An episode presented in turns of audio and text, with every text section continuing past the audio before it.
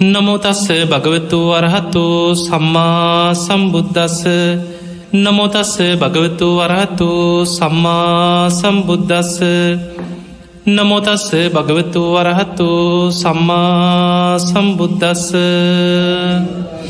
වාසනාවන්ත පිංහතුනී අදත් ඔබ ඔබේ ජීවිතයට වැදගත් ධර්මකාරණා රැසක් ශ්‍රවණය කරන්න බොහොම සද්ධාවෙන් ධර්මශ්‍රවනයට සූදානං වෙච්ච මොහොත.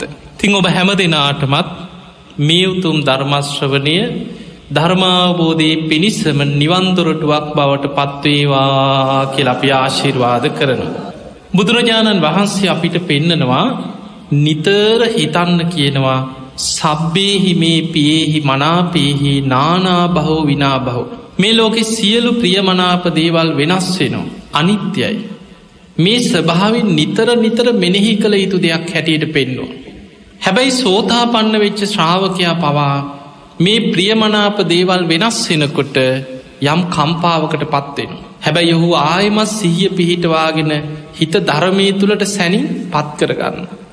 නිතර අපි ප්‍රියමනාප දේවල් වෙනස් වෙනවා කියන කාරණයේ සිහි කරනවන්නං අපිට අනිත්‍යදේ අනිත්‍ය වෙලා යනකොට දුක්දේ දුකට පත්වෙනකොට අනාත්ම දේවල් අනාත්ම ස්භාවයට පත්වෙනකොට වෙනස් වෙන දේවල් වෙනස් වෙනකොට නැසී වෙනසී යන දේවල් නැසී වෙනසී අද්දී අකම්පිත හිතක් ඇති කරගෙන අටලෝ දහම ඉදිරියේ කම්පා නොවීන්න පුළුවන්කම තියෙන.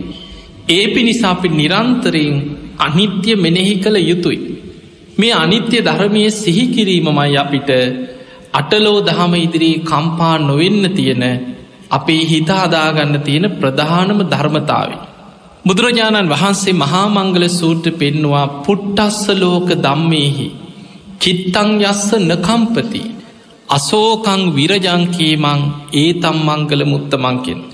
පුට්ටස්ස ලෝක දම්මෙහිමි ලෝක ධර්මතාවයන් ඉදිරි ලාබ ලැබෙනවා අලාබත් ලැබෙනවා. සැප සම්පත් ලැබෙනවා වගේමයි අන්ත දුක්විදින්නක් සිද්ධ වෙන්න පුළුවන් ජීවිතය.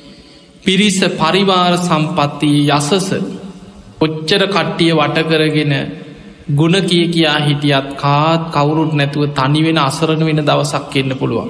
යස වගේම අයස. ප්‍රසංසා හොඳ කියනවා ගුණ කියනවා වරණා කරනවා ඒ වගේ මයි නින්දාව. ඒ පිරිසම තමන්ට නින්දා පහස කන දවසක් එන්න පුළුව. මේ ධර්මතාවය බුදුවරුන්ට සාධහරණයි. හැබැයි බුදුරජාණන් වහන්සේලා තුළ පවතිනවත් තාදී ගුණේ කියල ධර්මය පෙන්නන්නේ අටලෝ දහමෙන් කම්පා නොවෙන ගුණේ. උන්වහන්සේලා කම්පා වෙන්නේ. හැබැයි බුදුවරුන්ටත් අටලෝ දහම බුදුනත් පසේ බුදුනත් මහරහත් වනත් මාර්ග පල් ලැබුවත් පෘතජ්ජනයෙක් වුණත් ලාබාලාභ සැපදුක නින්දා ප්‍රසංසා යසායස ඔය සියල්ල මේ ලෝක ධර්මතාවයක්ත් එක කැරකි කැර කියනවා. හැබැයි චිත්තං යස්සන කම්පති ඒ තුළ හිත කම්පා නොවී අසෝකං විරජංකේ මං විරාජමානව ඉන්න පුළුවන්නං ඒක මංගල කාරණයක් හැටියට පෙන්නවා. ඔබ දන්නව බුදුරජාණන් වහන්සේ පිරිනිවන් පාන අධිෂ්ඨාන කරලා බේලුව ගමේදී තම යාවි සංස්කාරයන් අතහරින. මේ ආවි සංස්කාර ධර්ම අතහැරියට පස්සේ ඒ සැනින් මහපොලෝ කම්පාවට පත්වෙනවා. අකාලි ගිගුරුම් දීල වැස්සක් ඇදහැලෙන. ආනන්ද හාන්දුරුව පොලෝ කම්පාවෙනකොට උන්වහන්සේ භාවනා කරන්න වාඩි වුණා විතරයි. ඒ සැනින් නැකිට ලැවිල්ල කියෙන ස්වාමිනි මේ දැම් පොලෝ කම්පා වුණා. මේ දැම් පොළොව සෙල වුණා. අකාලි ගිගුරුම් දීලා වැස්සක් ඇදහැලෙනු. ඇයි මේ බුදුරජාණන් වහන්සේ වදලා ආනන්ද කාරණ අටක් නිසා පොලෝ කම්පාවෙන්න පුළුවන්. එකක් තමයි මේ මහපොළොව කම්පාවෙනවා ස්වභාවික හේතු මත අපි කැනෙ ස්වභාවිකව ඇතිවෙන භූමිකම්පා කියලා එක බුදුරජාණන් වහන්සේ පෙන්වා පටවිධාතුව මතයිකෙන ආපෝධාතුව පිහිටක්. ඒ ආපෝධාතුව මත තමයිගෙන වායෝ ධාතුව පිහිටන් මේවා පිහිටලත් තියෙන ආකාස ධාතු ඇසුරු කරගෙන. ආකාස ධාතුව ඇසුරු කරගෙන පවතින වාතය සෙලවෙනවද ඒ තුළ ජලයේ සෙලවීමේ පොලෝ කම්පාවට පත්වෙන ඔය වගේ විස්තරයක් තින එක අපි සාමානම ස්භාවිකව ඇතිවෙන පොලෝ කම්පාවී එකක්. ඊළඟට බුදුරජාණන් වහන්සේ වදාලා ආනන්දය ඉරදිමත් ශ්‍රමණක් බ්‍රාහ්මණුරු ඉන්නවා සතර මහාදාත් චිත්ත වශී ප්‍රාප්ත කරගත්ත. බොහෝම ඉරදිමත්තයි. ඒ අය පටවි දහතුව කුඩා කරලා වඩල ආපෝ දහතුව විශාල වසයෙන් වඩලා චිත්ත බලයෙන් පොලෝ කම්පා කරෝනවා කියන. එක පුළුවන් බොහොම ඉරදිමත් ශ්‍රමණක් බ්‍රාහ්මණවරුන්ට චිත්ත බලයෙන් පොලෝ කම්පා කරවන්න පුළුවන් කිය. ඒ දෙවනි කාරණයක. තුන්ගනි කාරණයේ බෝසතාණන් වහන්සේ නමක් මවකුසින් බිහි වෙනකොට පොලෝ කම්පාවට පත්වෙනවා කියන. උන්වහන්සේ අභිනිස්ක්‍රමණය කරන දවස පොලෝ කම්පාවට පත්වෙන. සම්මා සම්බුද්ධත්වයට පත්වෙනකොට මහපොළොව දස දහසක් ලෝක දහතුම කම්පාවට පත්වෙන. ප්‍රථම ධර්ම දේශනා පවත්වනකොට පොලෝ කම්පාවට පත්වෙන. ආයු සංස්කාර අතහැල්ල පිරිනිවන් පාන අධිෂ්ඨාන කරද්දි මහපොලෝ කම්පාවට පත්වෙනවා. අනුපාදිශේෂ පරිනිර්වාණ දහත්වින් පිරිනිවන් පානකොට මහපොලෝ කම්පාවට පත්වෙනවා. ආනන්දය මේ දැන් තතාගතයන් වහන්සේ ආයු සංස්කාර අතහැරියකි. තව හරියටම මාස තුනක් අවසන් වෙන වෙසක් පොන් පොහෝ දවස පිරිනිවන් පානවා කියෝ. ආනන්දේ නිසයිකව මහපොලෝ කම්පාවට පත්වනේ. අන්න එතනද ආනන්ද හාමුදුරුව කලබලයට පත් වනා ඉක්මනට නිසීද නේල අනේ ස්වාමීනී කල්පයක් වැඩඉන්න සේක්වත් තිට්ටතු බන්තී කප්පන්. තිට්ටතු සුගතෝ කප්පන් සුගතයන් වහන්ස කල්පයක් වැඩඉන්න සේක්වා කියලා ආරාධනා කර. බුදුරජාණන් වහන්සේ වදාලා ආනන්ද දැන් පරක්කු වැඩී කියෝ. ඔබේමයි වරදකි. තතාගතයන් වහන්සේ දාසේ අවස්ථාවකදී. ඒ ඒ තැන්වලදි නැවත නැවතත් සිහිපත් කරලා තියෙනවා ආනන්ද තතාගතයන් වහන්සේ. චන්ද චිත්ත විරිය වීමන්සා කෙන ඉරදිපාද වඩාගත්ත කෙනෙ. මේ සතර ඉරදිපාද වඩපු කෙනෙකුට කැමතිනං ආවිශ්කල්පයක් ආවිශ්කල්පයක් කියන්නේ මං ඇහුණ කෙනෙක් බණකට කිනෝ ආනන්ද හාන්දුරු ආරාධනා කරන්න තවත් ඉන්නවා කියල බුදු හාන්දුරු. එහෙම ඉන්න නෑ. ආවිශ්කල්පයක් කියන්නේ ඒ වෙනකොට තියෙන පරමාවිෂ අවුරුදු එකසිය විස්ස. ඊට ටිකක් වැඩිපුරත් ඉන්න පුළුවන් කියෙන එකෙන බක්කුල හාන්දුර වැඩ හිටිය අවුරුදු එකසිය හැටක් අනුරුද්ධ මහරහතන් වහන්සේ වැඩ හිටිය අවුරුදු එකසිය පණහක් එතකොට සාමාන්‍ය ආවිශේදා අවුරුදු එකසිය විස්සේ තමයි ආවිශ්කල්පේ ඒ වෙනකොට පරමාවිෂ ඒ පරමාවිෂ හෝ ඊට ටිකක් වැඩිපුර වුණත් වැඩ ඉන්න පුළුවන්කි හැබැයි ආනන්ද හාමුදුරුවන්ට බුදුරජාණන් වහන්සේ සිහිපත් කරපු හැම වෙලාවෙම පාපී මාරය සැනින් ආනන්ද හාන්දුරන්ගේ හිත වසාගත්ත කිය. ඒ නිසා ආනන්ද හාමුදුරන්ට බැරි වුණ තතාගතයන් වහන්සේට කල්පයක් වැඩඉන්න සේක්වා කියලා ආරාධනා කර. එතකොට ආනන්ද හාමුදුරු අනේ ස්වාමීණි අනේ ස්වාමීණී කීකි දැන් නැවත නැවතත් බුදුරජාණන් වහන්සේට වැඳ වැදා ඉල්ලනවා. බුදුරජාණන් වහන්සේ වදාලා ආනන්ද ඔබ හොඳටෝම දන්නවා බුදු කෙනෙක් ගත්ත තීරණයක් ආයි වෙනස් කරන්නේ. ඒ නිසා තතාගතයන් වහන්සේ වෙහෙසවන්න එපා කියෝ. අන්න එතනදි බුදුරජාණන් වහන්සේ වදාලා ආනන්ද තතාගතයන් වහන්සේ දේශනා කරනවා නේද නිරන්තරේ. සබ්බේහි මේ පියෙහි මනාපෙහි නානා බහෝ විනා බව්. මේ ලෝකෙ සියලු ප්‍රියමනාප දේවල් වෙනස් වෙන අනිත්‍යයි. ආනන්ද ඔබ හිත හදාගන්න කියෝ.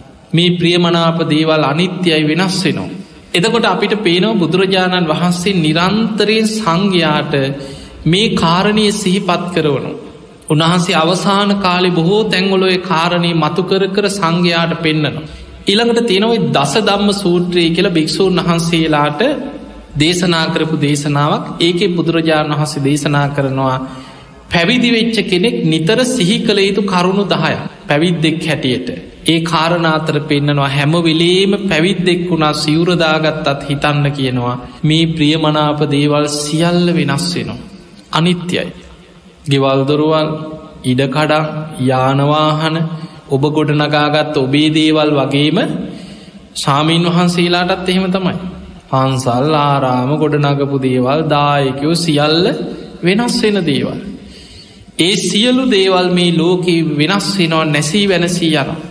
අනිත්‍යයේ කියන අවබෝධෙක් මේවා වෙනස් වෙනවා යම් දවසක මට මේක අතහරින්න වෙනවා කියලා සිහිකරමින් වාසය කරන්න කිය. එතකොට දැන් ඔබ ගිහි අයින වැඩිපුර බණහන්න ගිහි අයි. ගිහි පිරිසක් අතර ගත්තෝ.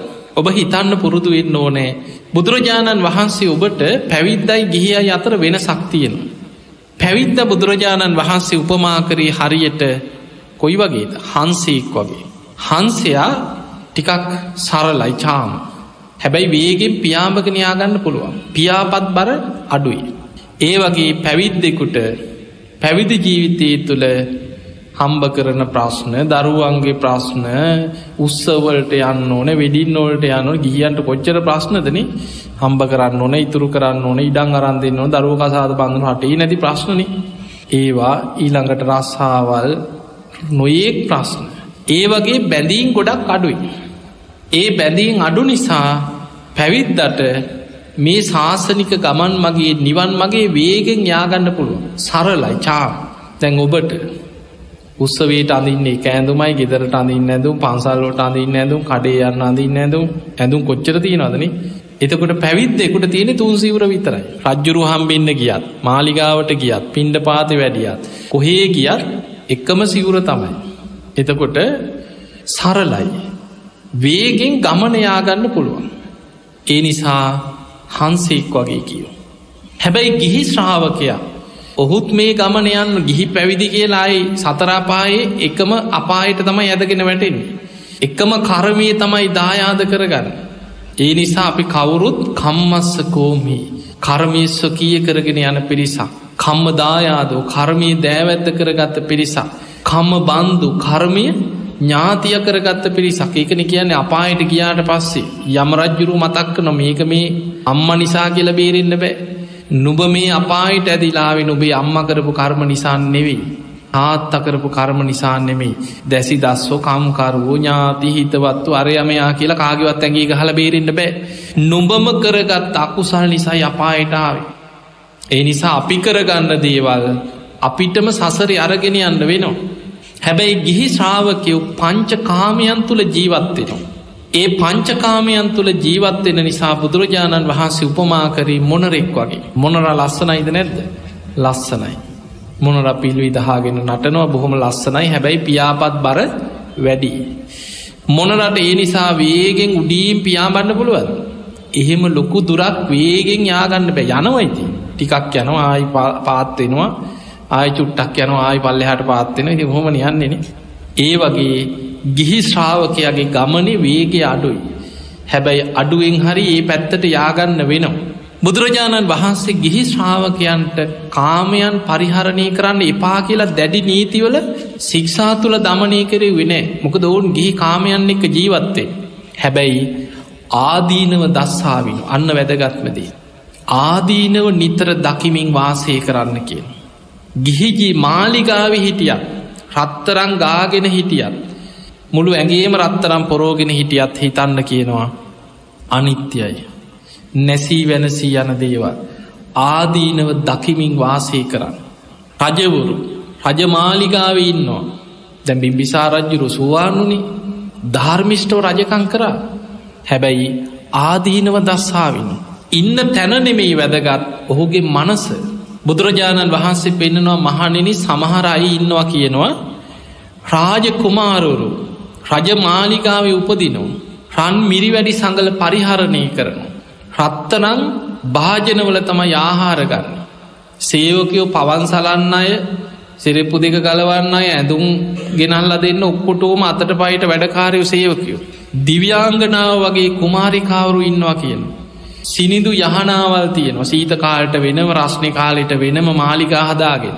හැබැයි ඒ කිසිවකට නොවැලී ඒවැ ආදීනව සිහිකරන මහා පෙරපින් ඇති රාජකුමාරවරු ඒ සියල්ල කෙලපිඩක් විසිකරලා දානවා වගේ ඒ අතහරිනවා කියන.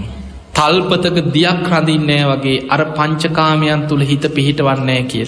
ඒ රජ සැප සම්පත් අතහැරලා විමුක්තිය පිණිස පාත්තරයක් කරගෙන ගෙපිළිවලින් පින්ඩ පාතියනවා කිය. තුන් සිවරක් දරාගෙන පාන්සකුල චීවරයක් හරි දරාගෙන ලැබිච්ච කුටියකින් සතුටු වෙනවා.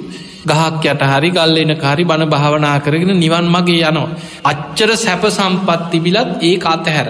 සමහරයි ඉන්නවා ඉන්නේ පැල්පතක ගේ තෙමෙනවා හැම තැනීම. ඇඳක්කත් නෑ නිදාගන්න බීම. මැටි වලං කෑල්ලක කැඩිච්චේක තමයි කෑමටික කරන්න. හරි ප්‍රනීත විදියට ආහාරයක් නෑ. ඒ දේශනාව තියෙනවා යක්ෂණීක් වගේ බිරිඳක් තමයි හම්බෙලයි. ඒත් ඒටික අතෑර ගන්න බැරුව කොහොම දෑ මං මේවා දාලා යන්නේ කියලා ඒකට ඇලුම් කරගෙන සංසාරය යනවා කියන අතහැර ගන්න බැරුව. එතකොට ප්‍රශ්නි තියෙන්නේ ලැබිච්ච සැප සම්පත්තුලද හිතේද හිතේ තියෙන ප්‍රශ්නය. රජමාලිගාව හිටියත් ආදීනව සිහි කරන කෙනා අතහරින්න පුළුවන් කෙනා හැමවිලීම එක අතහැරීමෙන් පරිහරණය කරන. දැම් බිම්බිසා රජ්ජුරුවම හොඳ උදාහරණයට හිතන්න.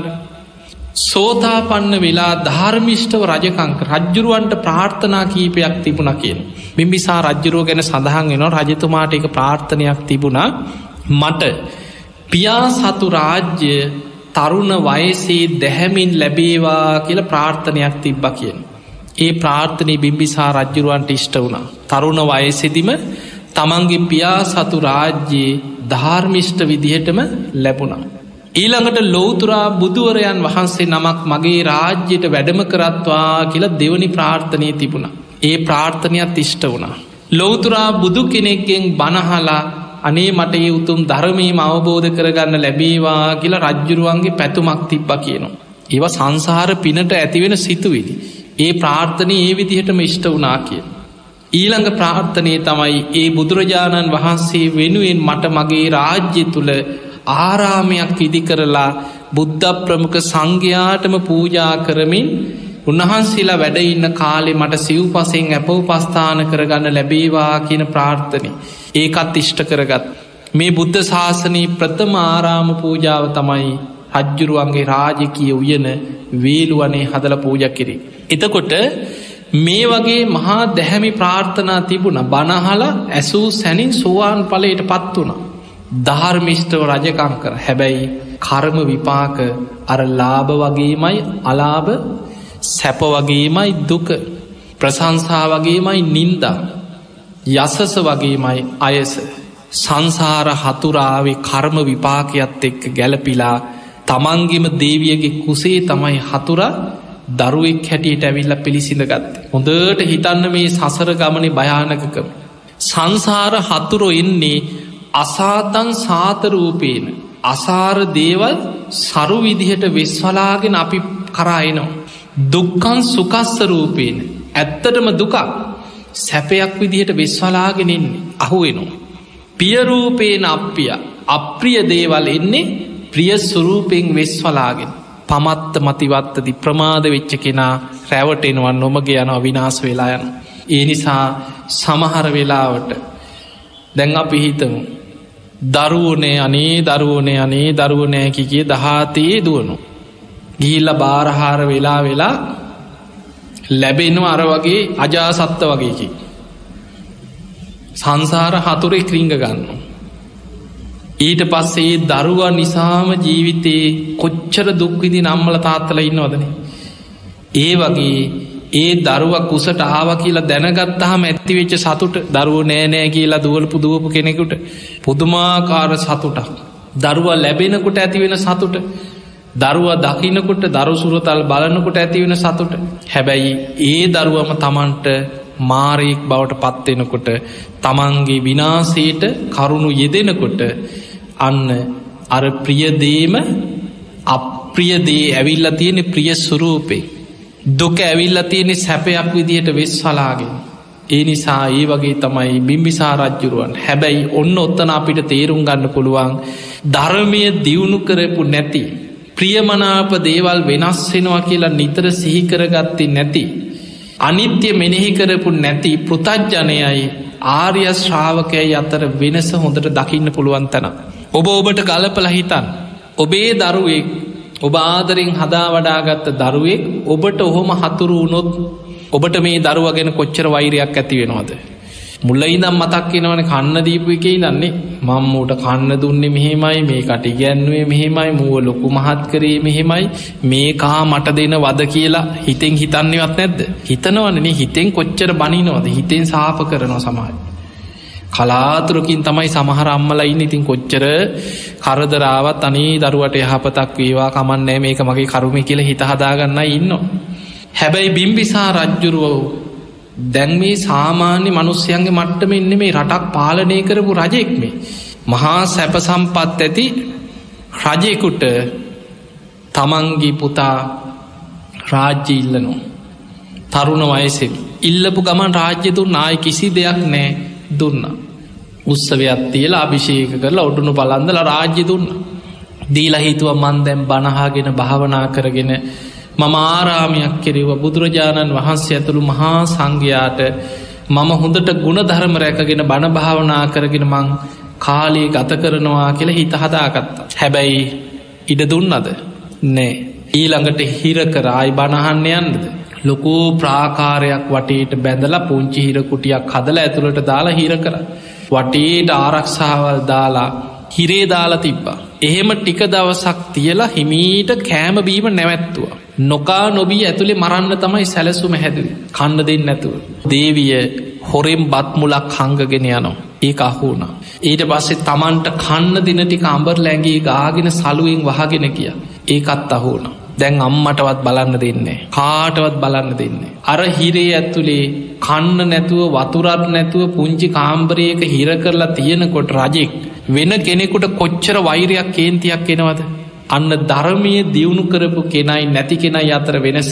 බිම්බිසා රජ්ජුරු බුදුගුණ හිතනවා. ඔබට පුළුවන් දෙහෙ බුදුගුණ හිතන් ඔය වගේ තැනකද. බිම්බිසා රජ්ජුරුව හිරකුටිය ඇතුළ හිතනවා අනේ බුදුරජාණන් වහන්සේ ඉපදීම දුකයි කියලා උන්වහන්සේ දේශනා කරේ කොච්චරනං සත්‍යයක්ද උන්වහන්සේ කාන්තයෙන් අරහන් සම්මා සම්බුද්ධයි විද්‍යාචන්න සම්පන්නයි සුගතෝ ලෝකවිදු අනුත්තරෝ පුඩිස දම්ම සාරති සත්තා දේව මනුස්සානං බුද්ධෝ භගවා කියකේ බුදුගුණම හිතන. හිරකුටිය පුංචි කවුලුවක් තියෙනවා ඒ පැත්ත අදටත් දඹදිව ගිහාම එතනට යවෙනවා බලන්නේ හිර කරලා තිබ්බ තැන රජගහනුවට. හරියට එතරට ගිහිල්ල බලපුහම දේශනාවල තියෙන දේවල් හොදට ගැලපිලා පේනවා ගිජ්ජකූට පරෝතයේ බුදුරජාණන් වහන්සේ වැඩඉන්න කුටිය ඈතට පේනවයේ හිරකුටිය තියෙන තැනට. බුදුරජාණන් වහන්සේ වැඩඉන්න අන්න අත නර පැත්ත කියලා බලාගෙන ඉන්න. යන්තන් ඈතින් කුටිය පේන. ඒ දිහා බලාගෙන වැඳගෙන බුදුගුණ සිහිකර කර ඉන්න දැන් කන්නත් නෑ කලන්තේ ඒත් බුදුගුණම සිහිකර. ධර්මය හිතනවා. මේ ධර්මය නං ඒ කාන්තයෙන් ස්වාක්කාතයි සන්දිිට්ටිකයි අකාලිකයි කිකි ධර්මීගුණ හිතනු. සඟගුණ හිතනු. අනිත්‍ය මෙනෙහි කරනු. මරණ සතිය වඩනු. සුගතියක හිත පිහිටවාගෙන ධර්මය වඩන. කොහොම ඉඳලා ඉඳලා අන්තිමට නිකම් මැරෙන්න්න දුන්නෙත් නෑන් අන්තිමට බැලුව දැන් දින ගණන් ගෙවෙනවා හිතේ සතුටත් එක්ක ආවිෂ වැඩෙනවා. බොහෝ වෙලාවට කන්න බොන්න නැත බලන්න ගොඩාක් සන්තෝසෙන් ඉන්නකොට සමහරුන්ට කෑමබීමත් එච්චර ගානකුත් නෑන් හැබැයි රජ්ජුරුවන්ට මේ බුදුගුණ වඩනවා ධර්මගුණ සිහිකරනවා බුද්ධානුස්සතියෙන් හිත සමාධිමත්වෙනවා කන්න බොන්න නැතත් මැරෙන පාටකුත් නෑ. ඊළඟට දේවදත්තකින් උපදෙසක් ඉල්ල ගත්ත මොකක් හරි මේකට කරන්න ඕනැකි. පෞකාරය දුන්න උපදෙසක් වදදීලම මරන්නේ කිය. අවසාන යටිපතුල් පලලා ලොනුදාලා ගිනි පොකුරුට ඇවිත් දෙව්වා කිය. මෙහෙම වද දෙනකොට වද දෙනකොට කොච්චර කේන්තියක් එනවද. ඒත් ධර්මය හිත පිහිටවාගත්ත ආදීනව දකිමින් කාමයන් පරිහරණය කරපු කෙනා. අටලෝ දහම ගැන හිතනවා. අනිත්‍ය සිහි කරනවා මරණ සතිය හිතනවා. ධර්මී සිහිකර කර සිහිකර කර කොච්චර වද දුන්නත් වේදනානු පස්සනා වඩනු. බුදුරජාණන් වහන්සේගේ ධර්මයේ කාන්තිං සත්‍යයි. සසරෙ කොච්චරමම් මේ වගේ දුක්විඳ ඇද ඉපදීම නිසා. ඉපදීම මයි නැති කළ යුත්තයකය කිය ධර්මී සිහිකර. හොම වද දෙනකොට තැන් අජාසත්ත වදකයන්ට අන කරා වදදීල මරන්න. අන කරලා තමන්ගේ මාලිගාවට ගිහිල්ලා තමන් ඉන්න කොටසි දැන් දොර වහගෙන ඇතුළේ එයාට මෙහාට සක්මන් කර කර ඉන්නවා දැන් මට පණවිඩෙයි මැරුණ කියලා. දැන් පණවිඩෙයි මැරුණ කියලා. දැන් ඇතුළේ ඇවිද ඇවිද ඉන්න අරහි මරන්න අන කරලා. ටික වෙලාවකින් සේවකෙක් දුවගෙන දුවගෙන ඇවිල දොරට ගැහ්වා රජතුමනි රජතුමනි පණවිඩය දොර ඇරිය බලාපොරොත්තු වෙච්ච පණවිඩේ නෙමේ. රජතුමනී ඔබේ දේවිය පුත්කුමාරයෙක් බිහි කරාකි. රජ්ජුරුවන්ට ඉස්සරලාම දේවියකින් තමන්ගේ අගබිස්සවගේ පළවෙනියටම රජතුමාට කියලා දැබිච්ච අජාසත්ත රජ්ජුරුවන්ගේ දරුව. තමන්ට පුතෙක් ලැබුණ කියලා දැනගන්නකොටම ඉන්න හිටින්න තැනත් අමතක වුණා දේවිය ඉන්න මාලිකාව කොටසට දුවගෙන ගියා රජ්ජුර යනකොට අම්මත් ඉන්නවා දරුව තුරුල් කරගෙන. ඒ මොහොත්තෙම ඉපදිච්ච දරුව පුංචි පුතා. හෝමගේ පුතා කියල අත් දෙකට දරුවා ඉල්ලගත්. දරුවා තුරුල් කරගෙන හේම ඉඳගෙන දරුවගේ පුළුව අතකාල නල්ල ඉබින්නකොට අම්ම කියනවා පුතේ නුඹ ඉපදිච්ච දවසෙ නුබේ තාත්තත් ඔය වගේ මයිකව සතුටුනේ. එහෙම කියනකොටම මුළු ඇඟම හිරි වැටලගිය අපෝ මංකරගත් අපරාදය කියලා හිතුණු. එතකොට අම්ම කිය පුතේ මේටිකත් අහගනින්. පොංචි කාලේ අනාවැකි කියන අය නුබ ගැන කියනකොට නුබ කුසට ආපු වෙලාවේ පිය රජ්ජුරුවන්ගේ පපුෝ පල්ල ලේබොන ආසාාවක් කියන මට ඇති වුණේ. එදා මගුල් කඩුවෙන් පපුුව සිදුරු කරලා ලේටික දෙනකොට එදා අනාවැකි කියපයි කියන්න ගත්තා මේ නං උපදින්නේ ඉන්නේ රජ්ජුරුවන්ගේ හතුරේ. හැබැයි බිම්බිසා රජ්ජුරුව කිසිම විදිහකින් දරුව නැති කරන්න මට ඉඩ දුන්නෑ කිය. මම එදා හිතුව කියනවා මගේ ස්වාමියයට හතුරෙක් වෙන දරුවෙක් මං බිහි කරන්නේ. හැබැයි රජ්ජුරුව දරු ගැබ විනාස කරන්න ඉඩ නොදී නුබ උපදින විදිහට සියලු ආරක්ෂාවල් සැලසුව කිය. එහෙම කියලා කියන දවසක් පුංචි කාලෙ නුබේ ඔය මහපොට ඇගිල්ලේ විශාල සැරවගෙඩියක් ඇවි ලාඩාඩා ඉන්නකොට. තාම තියෙනවා සැරවගෙඩි ලපේ වෙනකොට. මතක් කරලා දුන්න පුංචි කාලේ.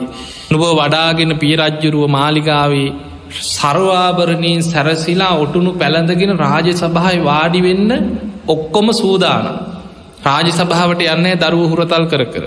රටේ තීන්දු තීරණ ගන්න රාජකිය පිරිස එකතු වෙච්ච තැන හැබැයි දැන් දරුව අඩනවර සැරව ගෙඩිය වේදනාව. මේ පුංචි අජාසත්ත කුමාරය කරේතියාගෙන තුරුල් කරගෙන නලෝ නලෝ අඩන නිසාම අර සැරවගෙඩිය තියෙන ඇගිල්ල කටේ දාගත්තා.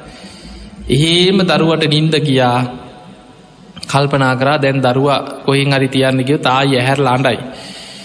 රාජකීය සම්ප්‍රදායම් බිඳලා දරුව කරේතියාගෙනම එහෙමම ගිහිල්ල අර රාජ සභහයි වාඩි වුණු. ටික වෙලාවක් යනකොට අර කටේ රස්නෙට සැරවගෙඩිය පුපුල්ල සැරවටික රජ්ජුරුවන්ගේ කටට ගිය. ඒ වෙලාවෙ රජ්ජුරුව හිතනවා පඩික්කම දැක්කා හැබැයි ඇගිල්ල කටෙන් එලියට අරගන්න මං සැරවටික එලියට දාන්න ගියොත් ආයි දරුව නැකිටල අඩයි. එහෙම සැරවටික ගිල්ල කියනවා. එහෙම තමයි ආදරින් ඔය දරුව හැදුවේ. ඒ වෙලේ අම්ම මතක් කරල දුන්න පුතේ නුබේ පිය රජ්ජුරු නුබව හැදුව ඔය විදිහට කිය. ඒ වෙලාවේ තමන්ගේ දරුව අම්මගේ අතර දීලා දුවගෙන ගියා වද දෙන එක නවත්තන්න. දුවගෙන දුවගෙන යනකොට අජාසත් ඈතින් එනවත් දැක දැක බිම්බිසා රජ්ජුරුව හේම පණගිය. හැබැයි ජනවසභ කියලා දෙවි කෙනෙක් වෙලා දෙව්ලෝ පහළ වුණ. නින්දෙන් පිබිදිය වගේ දෙව්ලෝ පහළ වුණා ජනවස්සභ නමින් දේවතාවෙක් වෙලා.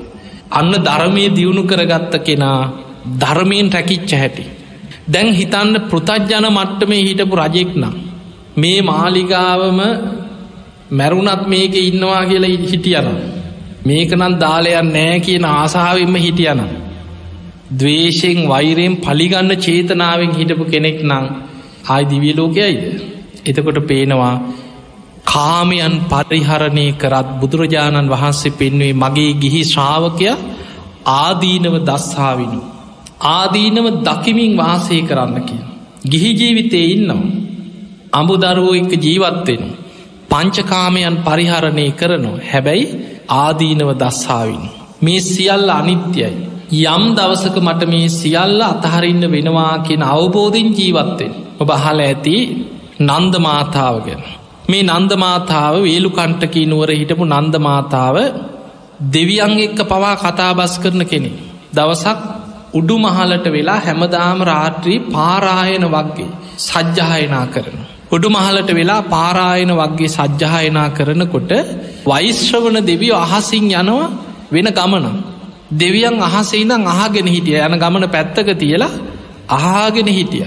බොහෝම මිහිරට පාරායන වක්ගේ බුද්ධ දේශනා ලස්සන්ට සජ්්‍යහයනා කරන. අහගෙනීඳලා අහසෙයිදන් සාධකාරදුන්න. ඇව කවුදවේ අහසෙ පෙනී හිටිය වෛශ්‍රවන දෙවිය. මමයිකි අවතුරු දිසාවට අධිපති වෛශ්‍රවන දෙවිය. ඔබ බොහෝම මිහිරට මේ පාරායන වගේ සජ්්‍යහයනා කරන. මං ඒක මේ අහගෙන හිටිය අහසයිලා. ඔබට මං මේ ධර්මය මට අහසේදං අහන්න සැලැස්ුවට ඔබට මං ප්‍රතිඋපකාරයක් පිණිස ඔබට මහා පින්කමක් කරගන්න අවස්ථාවක් දෙන්න. ඔන්න හෙට දවසේ සැරියුත් මුගලන් දෙනම පන්සීයක් භික්‍ෂූන් වහන්සේලා සමඟ වේලු කණ්ටකී නගරයට වඩිනෝ. ඔබේ නගරයට වඩිනෝ. මේ නුවරට උන්වහන්සේලා උදේ පාන්දර වඩින්නේ දානෙ වලදර නෙවෙයි කියව. ඔන්න පුළුවන් කිව උදේම දානය හදලා උන්වහන්සේලාට පූජා කරලා ඒ පින මටත් අනුමෝදන් කරන්නේ කියලා අතුරු දහන් වෙලා ගියා සාධකාරදීලා. වේලු කණ්ටකී නන්දමාතා උදේ පාන්දරම ප්‍රනීත විදිහට පන්සීයක් සඟ පිරිස්සට දානි සෝදානන් කරලා සේවිකාවැරිය නගරෙට සැරියුත් මුගලන් මහරහතන් වහන්සේ ඇතුළු පන්සීයක් දෙනා නගරයට වඩිනවා දැක්ක ගමන් වැඳල ආරාධනා කරන්න දානි ලෑස්තිී කියල්. එදා සාරිපුත්ත මොග්ගල්ලාන මහරහතන් වහන්සේලා තමග පන්සීයක් සඟ පිරිස වැඩිය. ඒ වැඩම කරපු වෙලාවේ සේවිකාව ගිහිල වැඳල කියෝ ස්වාමීණී අන්න නන්ද මාතාවගේ නිවසේ ඔබහන්සේලාට දානි සූදානන් කළ තියෙන වඩින්නේ කිය. වැඩම කරා ආසන පනවල පන්සීයකට බොහෝම ලස්සනට දම්බෙදුව. දානෙ බෙදලා නන්දමාතාව වාඩි වුණාට පස්සේ සාරිපුත්ත හාන්දුරුවහනෝ නන්දමාතාවනි අපි මේ නගරෙටාව කාටවත් දැනුන්දීල නෙමේ කියව. කවුරුත් දන්නේ අපි මේ චාරිකාය වඩින ගමන් හදිස්සිය තමයි මේ නගරි මැදින් වඩින්න ගමන වෙනස් කරේ. ඔබ කොහොමද අපි වඩින බව දැනගෙන මේ විදිහට උදේ පාන්දර දානි හැදුව. අන්න එතකොට කියා හිටිය ස්වාමීනී කවුරු නොදන්නවා වනත් ඔබහන්සේලා වඩින ගමන ගැන දෙවියන් දන්නවා කි. ඒ රාත්‍රී වයිස්්‍රෝවන දෙවියන් තමයික මට මේ පණවිඩේ කියලගේ ඔබහන්සේලා වඩිනවා දානි හදන්න කිය. එතකොට නන්ද මාතාව ගැන සාරිපුත්ත හාන්දුරකිනොයි හෙමනම් මේ නන්ද මාතාව මෙහෙම හිටියට දෙවියන් එක්ක පවා කතාබස් කරන කෙනෙක් නන්ද මාතාව කියන්නේ බොහෝම ආශ්චරය අත්භූත දෙවියන් එක්ක පවා කතාබස් කරන ආශ්චරයමත් හැකියාවක් ඇති කෙනෙක් නේද කියල සාරිපුත්ත හාන්දුර කියනකොට නන්ද මාතාව කියෙන සාමීනී ඔය විතරක් නෙවෙයි මාතුළ තව බොහෝ දේවල් තියෙනවා කිය.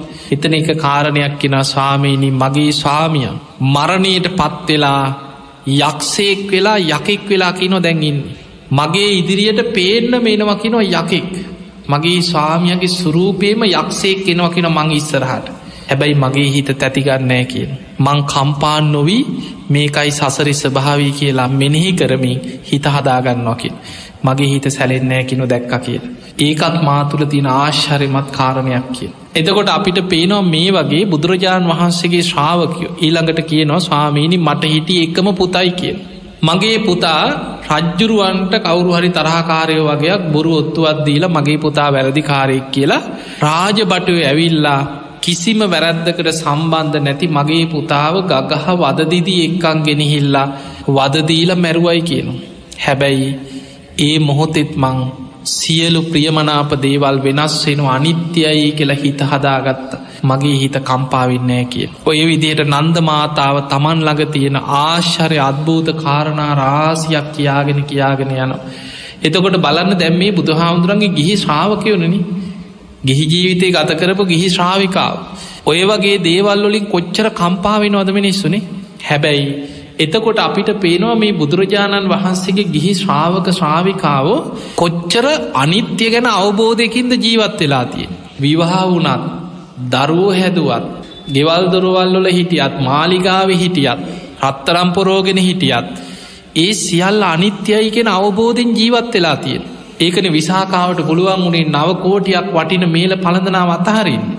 ආනන්ද හාමුදුරුව මේ අරන්තිබ්බ කියලා දැනගත්ත ගමම්ම තමන්ට අමතක වෙලාගේ සාධකාරදුන් සාධකාරදීලකිව දැන් ඒක මට අයිතිනේ.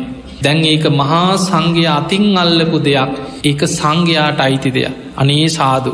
මං මේකින් ආරාමයක් කරලා පූජ කරනවා කියලා මේල පළඳලාම් විකුණලා පූර්ව ආරාමය හදන්න ඉඩම මිලදී ගත්ත. තවත් නවකෝටියකට විශාල ප්‍රාසාදයක් හැතුව කොටි සෙනසුන්නෙක්.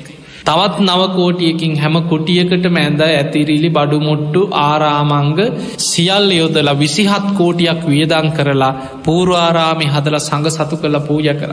ඉතකොට බලන්න මොන්න තරං වටින ආභරණ පැළඳගෙන හිටියත් ඒ සැනින් සතුටෙන් ඒ අතහැරිය. ඔබ අහල ඇති බන්දුල කියල සෙම්පතියෙක් හිටිය. මේ බන්දුල සෙම්පතියගේ බිරිද තමයි මල්ලිකා බන්දුල මල්ලිකා. ඒත් සැරියුත් මුගලන් දෙනමත් මහා සඟ පිරිසටත් නිවසට දානට වඩම්මල දානෙ බෙදනවා. මෙහෙම දානෙ බෙදනකොට දැ බෝම සද්ධාවෙන් බන්දුල මල්ලිකා දානෙ බෙදන්න. දානෙ බෙදාගෙන යනකොට සේවිකාවකගේ අතින් වෑන්ජන භාජනයක් වැටු නබීමට වැඩිච්ච ගමන් සලාංගාල කුඩු වෙලාගිය වෑන්ජන ටික විසි වුණා. දැන් වෙන කෙනෙන්නම් අයෝ මට අපලේ අද මඟම් මේක ඔක්කොම ඉවරයි. මොකක් හරි මගේ අඩුවද්ද කරපු සියල්ලම එතනින් අරක දීපු දානි නෙමේනි ඔළුවට ගන්නන. මං මෙච්චර දානයක් බෙදවා කියලක නෙමේ අර කැඩිච්ච භාජනය තමයි හිත හිතයින් භාජනයේ බිඳනකොට සේවිකාවන සේවිකාව බය වුණ. බයවෙනකොටම සාරිපුත් අහාන්දුරුවෝ ඒ මොහොත කිව්වා බිඳෙන දේවල් බිඳෙනවා කියෝ නැසෙන දේවල් නැසෙනවා. වෙනසෙන දේවල් වෙනසේ යනවා කිය. ඒම කියනකොට බන්දුල මල්ලිකාව කියනව සාමිනිය ඕකමොකක් දැහවා. මේ බලන්න කීවා මේ මගේ මේ ඉනේ තියෙන මේ තුන්ඩු කෑල්ල. දාන බෙදන්න පටන්ගන්න වෙලාවෙම ස්වාමීන් වහන්සේලා වඩම්මල සේවකේ කලබලෙන් වගේ ඇවිලා තුන්ඩු කෑල්ලක් දුන්න ඊට කලින්. මේ තුන්ඩු කෑල්ල බලලා මල්ලිකාව මොකද කරේ බන්දුල මල්ලිකාව බැලුවා නමල එහෙම ඉනේ ගහගත්ත එච්චට පාඩුවේ දැන් දාන බෙදනු. බෙදනකොට තමයි අර භාජනය බිම වැටුනි. තුන්ඩු කෑල් අරම් පෙන්වා ස්වාමීනි මේ බලන්නික ඕව මොනවා දැහව. මේ මට දැන් ආපු පණවිඩිය මගේ ස්වාමියයි දරුවෝ විසි දෙනයි ලිච්චවීන් අතින් ගාතනී වෙලා කියව. දැන් ටික වෙලාවකට කලින්.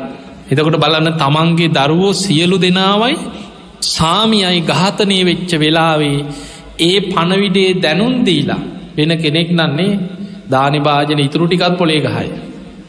ඕන් දන්දීල් අපිට වෙච්ච හෙනේ කියලා අර තුන්ඩු කෑලීනේ ගහගෙන අනේ දාන බෙදන මේක තමයි අනිත්‍ය ස්භාවය කියලා ධර්මය සීකර ලෝක ධර්මතාව. එතකොට බලන්න බුදුරජාණන් වහන්සේගේ ගිහි ශ්‍රාවිකාවෝ කොච්චර අනිත්‍ය ගැන අවබෝධයක් තුළ ලෝක ධර්මතාව ගැන අවබෝධින් ජීවත් වනාද. ඒ නිසා බුදුරජාණන් වහන්සේ පෙන්වන් නිතර හිතන්න කියනවා සබ්බේහි මේ පියෙහි මනාපේහි නානා බහු විනා බව. මේ ලෝකෙ සියලු ප්‍රියමනාප දේවල් වෙනස් වෙන අනිත්‍යයි කියලා හිතන්. බොම ලස්සන දේශනාවතින ගයිහ සූට්‍රේ. මික තියෙන අංගුත්තර නිකායි ගයිහ කියල සූට්‍රය. බුදුරජාණන් වහන්සේ වදාලා මහණෙන මේ ලෝකෙ දෙවියොත් මනුස්්‍යයොත්. ජීවිතේ නවා තැන්පොල කරගන්නේ ඇහැට පේන ප්‍රියමනාප රූප කියනවා. අපි මේ ඉන්න කාමලෝකෙ. පංච කාමයන් තුළ තමයි සැපය සතුට සොම්න්නස හොයන්. කාමලෝකෙ ජීවත්වෙන සත්වයන් පංච කාමයන්ට තම යැදෙන්. ඇහැට පේන ප්‍රියමනාප රූප කනට ඇහෙන ප්‍රියමනාප සබ්ද නාසේට දැනෙන ගඳසුවඳ දිවට දැනෙන රස කයිට දැනෙන පහස ඕව තමයි හොය හොයා මේ ජීවත් ඕක තමයි කරන්නේ උදේදන් රෑවෙනකන් ජීවත්වෙනවා කියලා හොයන්නේ සැලසුම් හදන්නේ හම්බ කරන්නේ ඔක්කොම පංචකාමයන් පිනවන්න මිනිස්සු. එතකොට බුදුරජාණන් වහන්සේ වදාලා මහණනි මේ ලෝකෙ දෙවියොත් මනුස්සයොත්. ඇස්සට පේන රූප ජීවිතයේ නවා තැන් පොල කරගන්න. ඒවට ඇලුම් කරනවා ආස කරනවා ඒ ගැන සිහිකර කර ඒවා උපාදාන කර කර ඒවා ජීවිතයේ නවා තැන් පොල කරගෙන ජීවත්වෙනවා කිය. කනට ඇහෙන සබ්ද ජීවිතයේ නවා තැන් පොල කරගන්න. ඒවා ගැන සිහි කරනවා මෙනෙහි කරනවා සතුටු එවී ඒවා ගැන ආසාාවෙන් ඒ තුළ ජීවත්වෙන.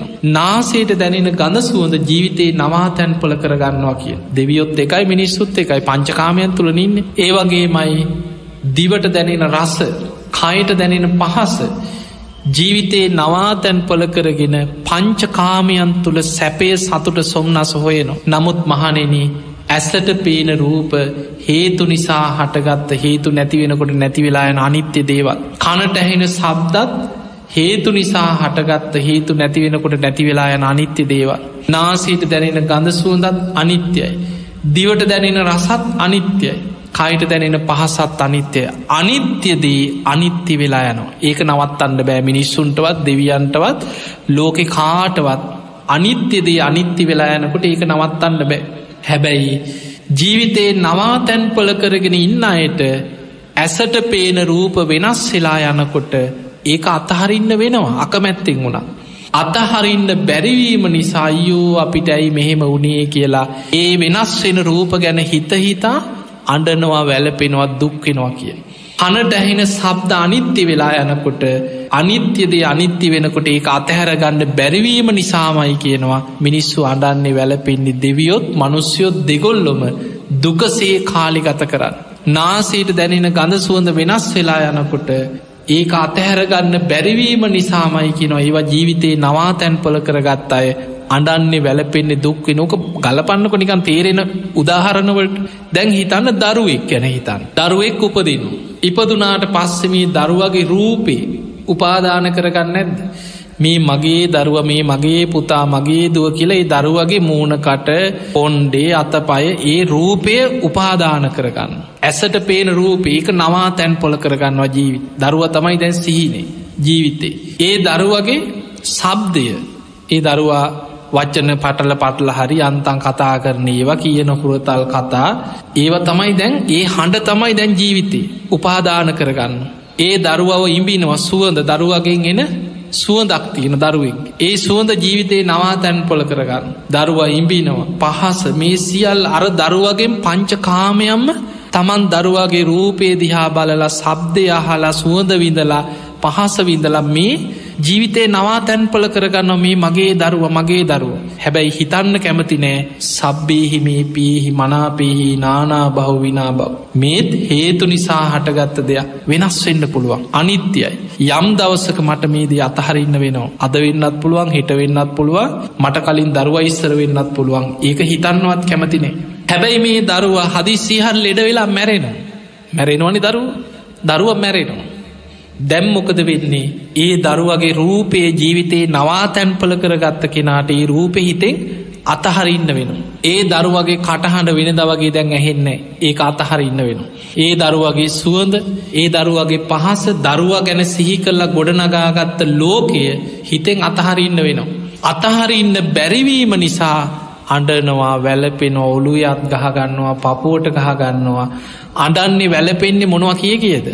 අර ජීවිතයේ නවා තැන්පල කරගත්ත ඇලුම් කරපු මවාගත්ත සිහින බිදියාමේ ඒව තමයි කියන්න.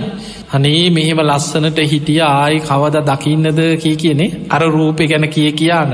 අම්ම අම්ම කිය කිය කතා කරා මෙහෙම උරතල්ක ආයි කවදනම් මේ අහන්නද කීක දැන් කනට ඇහිච්ච දේ සීකර කර අඩනවා. අනේ මෙහිම වඩාගෙන මං ඉබ ඉබා හිටිය කවදායි මේ දරුවා ඉමින්නද. එතකොට බලන්න අර ඇහැට පෙනිච්ච කනට ඇහිච්ච නාසීට දැනිච්ච ඒ දේවල් තමන්ට අහිමි වෙනකොට ඒක අතහැරගන්න බැරුව හඬා වැලපෙන.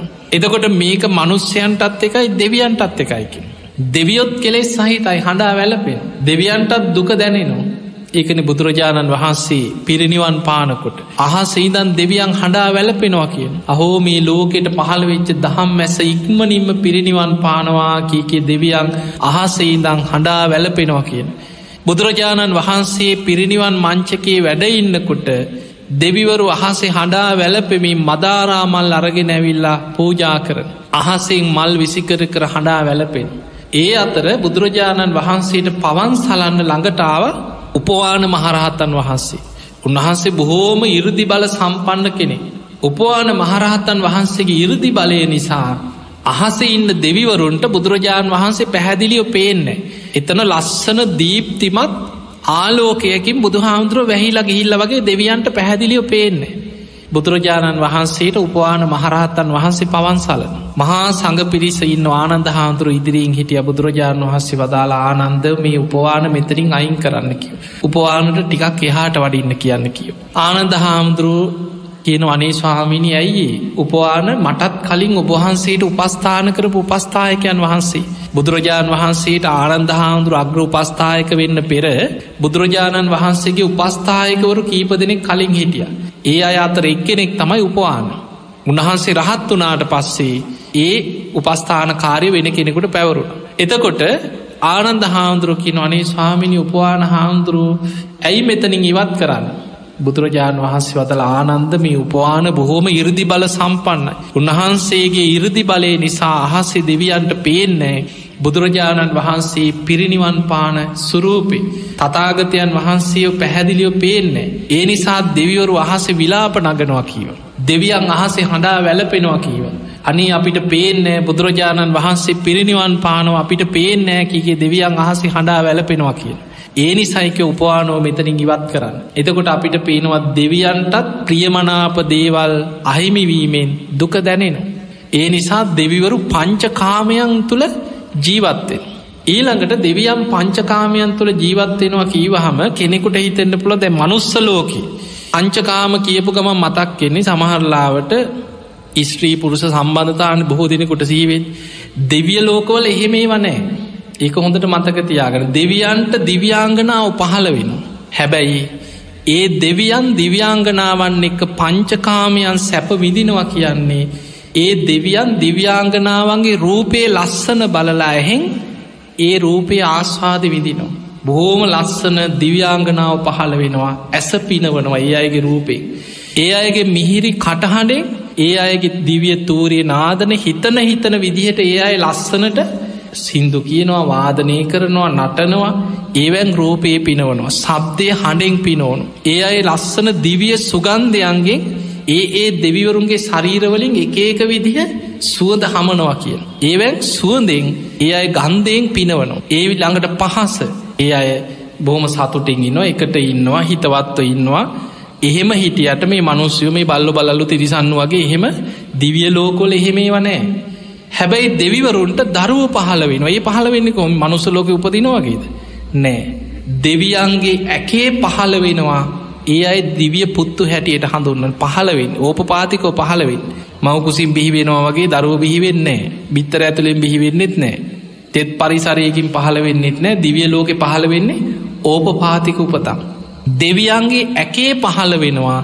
දිවිය පුත්තු හැටියට ඒ අයි හඳුන්නන් දෙවියන්ගේ යහනාවල පහළ වෙන අය දිව්‍යාංගනාව තමන් වෙනුවෙන් පහළ වෙන්න බිරින්දෑවරු හැටියට එය ඇත් එක්ක එකට සතුටින් ඉන්නේ. දෙවියන්ගේ දිවිය විමානවල දොරටු ළඟ පහළ වෙනයි දොරටු පාලකය. උයනෙ පහළ වෙනයි උයානේ ඉන්න ආරක්ෂකය. ඒ දෙවියන්ගේ පිනට පහළ වෙනවා නොයෙක් විදිහෙ සේනාව. ඒ දිවිය සේනා දැන් ඔබ අහල ඇති සක්‍ර දෙවියන්ට එරාහරණ කියලා වෛරාහරණ කියලත් කියනවා හස්තියෙක්කින් දෙවි කෙනෙ සක්‍ර දෙවියෝ හිතනවා මන්දැන් උයනට යන්න ඕන කියලා හිතනකොටම ඇතාපිට යන්න තියෙනවනම් හිතනකොටම මේ දේවතාව විශාල හස්තියෙක් හැටියට ලස්සනට වෙස්මවාගෙන සක්‍ර දෙවියන් හිස මත තියාගෙන ඒ ගමන යනු. ඒ දෙවියන්ගේ කුම්බස් තලේ මත ලස්සන පොකුණක් තියෙනවා කියන. මේ අර ඇතා දැන් යන්නේ හැබැයි ඇතෙක් වුණට අපි මේ දකින මේ පාරවල්ලොල යන ඇත්තුවගේ නෙමේ. එතකොට ඒ දැන් විශාල හස්තියෙක් හැටියට මවාගන්නවා ඒ ශරීරේ මත පොකුණු ඊළඟට ලස්සන උයං වගේ නෙලුම්මල් මේවා ඒ රජ්ජුරෝ සතුටු කරන්න අර සක්‍රදේවියන් සතුටු කරන්න හිතන හිතන විදියට වෙස් හලාග. උයනට ගිහිල්ල හිතනවා මේ විදිහට ලස්සන මෙතන පොකුණක්. මෙතන ලස්සන හන්සියෝ ඉන්නවනං කියලා දෙවියන් හිතනකොටම දිවිය සේනාව හන්සියෝ වගේ වෙස් මාරු කරගෙන පොකුණු මවාගෙන අර දෙවියන් සතුටු කරන්න ඒ ලස්සනට ඒ අය හන්සයෝ වගේ සතුටේ අර දෙවියන් සතුටු කරවනවා. දිවිය ලෝකෙ තිරිසං සත්තු නෙමෙයි.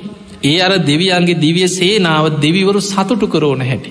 එතකොට ඒ වගේ දෙව්ලොව පහළවෙන්නේ හැබැයි දෙවියන්ටත් ඒ විමානත් හැමදාම තියෙනවද. ඒ සැප සම්පත් නිත්‍යද. ඒවත් පින ගෙවිල අවසන් වෙනකොට අහිමි වෙනවා අතහරඉන්න වෙන. පුදුරජාණන් වහන්සේ පෙන්න්නා මහනිනි දෙවියන්ගේ පින ගෙවිලා ගෙවිලා පිනේ විපාක අවසන් වෙන කාල එනකොට දිවිය මල්මාලා පරවෙන්න පටන්ගන්නවා කියන. දිවිය සලුපිලි කිලුටුවේගෙන යනවා කියන. දෙවියන්ගේ ශරීරවලින් දහඩිය වැගිරීගෙන යනවා දිවිය ශරීරවල දීප්තිය නැතිවෙලා දුරුවරණ වේගෙන යනවා. අර දිවිය විමානවල වෙනද වගේ හිත් අලවන්නෑ කියන එපා වෙනවා කියන. මොනදේකරත් වැඩක් නෑ කියලා නික කල කිරෙනවා අර විමානවලට ආසාාව නැති වෙනවාගේ. ඒ ලකුණු පහල වෙනකොට අනිත් දෙවිවරු දැනගන්නවා දැම් මෙයා දිවිය ලෝකෙන් චුත්ත වෙන්න යන්. අල්්‍යාන මිත්‍ර දෙවිවරු වටකරගෙන උපදෙස් දෙනවා කියනවා පින්වත ඔබ අපායට නං වැටෙන් එපා. ඉතෝ බොහෝ සුගතින් ගච්ච ඔබ මනුස්සලෝකෙට යන්න සුගතියට යන්.